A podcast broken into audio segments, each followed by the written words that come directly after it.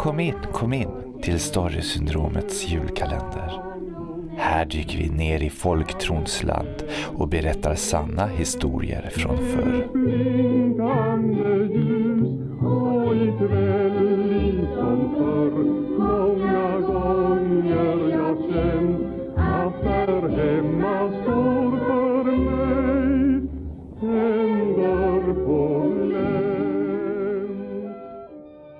Fiskaren Anders Svärd, född 1883 i Nygrop, Ölseröd i Ravlunda socken, berättade en gång att det i Furuboda fanns en ålabod som brukade kallas Kongaboda.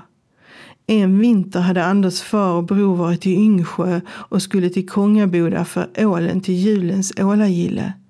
Det var snö och is och redan kväll.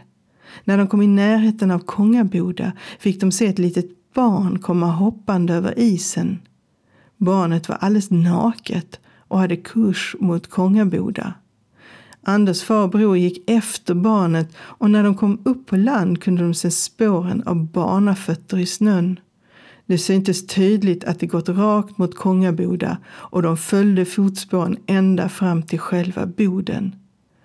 Där tog spåren slut och när de gick in i boden fanns där ingen. Det sägs att en gång drunknade ett barn där, neddragen av ålarna i tången. Det sägs också att när man ser ålaången bar blir fångsten dålig. Och det året blev det ingen ål. Du har lyssnat på Storysyndromets julkalender, lucka 15, av och med författarna Kristina Hård och Henrik Pettersson.